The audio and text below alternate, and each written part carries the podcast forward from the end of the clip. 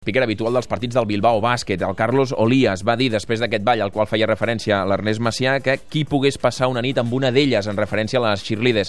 Aquest comentari va aixecar molta polseguera a les xarxes socials i finalment l'organització eh, ha decidit doncs, retirar-lo de les seves funcions com a speaker.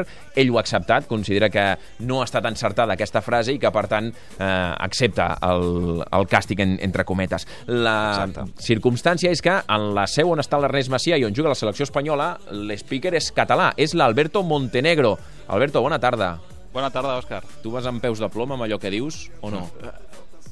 Bé, jo estic a taula, jo no sóc el que està, fer aquí, el que està fent aquí l'entertainment, és a dir, tot el moment de cheerleaders i actuacions i concursos i tal, ho faré al Sant Jordi a partir de dissabte, però aquí a Granada estic a taula, és a dir, aquí és més dos punts, faltes, triples i presentar Menys, la gent. hi ha menys risc en això que fas ara, no? Hi ha menys risc, està més pautat. Veient l'experiència de, del Carlos Olias, mm, home, potser sí que al Sant Jordi, quan et toqui fer-ho, no sé si es pot controlar o no, perquè quan un està fent aquesta mena de, de discursos per intentar engrescar la gent, no sé si es pot controlar tot el que dius.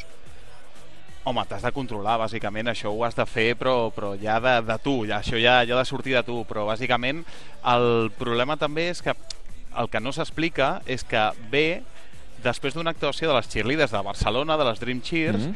que ballaven la cançó Bailando d'Enrique Iglesias, que Sí. diu Quiero bailar contigo una noche loca.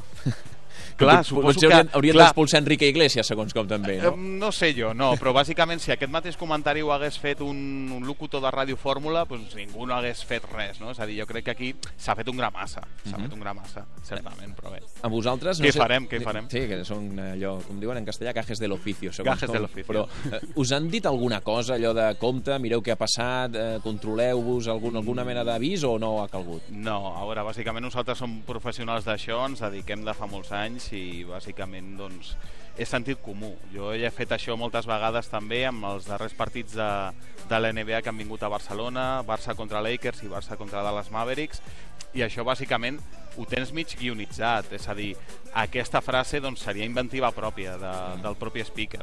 Ha demanat disculpes, diu que entén Sí, que sí. la frase és desafortunada i que per tant accepta el, el càstig entre cometes, però vaja. Doncs escolta'm, Alberto, que no t'haguem d'entrevistar d'aquí un parell o tres de dies perquè protagonitzis una d'aquestes, eh? Segur que Oh. aniràs una mica amb el fre de mà posat per no dir Esperem que no. Molt bé. Esperem que no. A partir de dissabte al Sant Jordi ja ho comprovareu. Molt bé, doncs allà estarem. Per tant, li demanarem al Macià que estigui ben pendent de què és el que dius i què és el que no dius. Gràcies, Alberto. Bona tarda. Gràcies, Òscar. Bona tarda.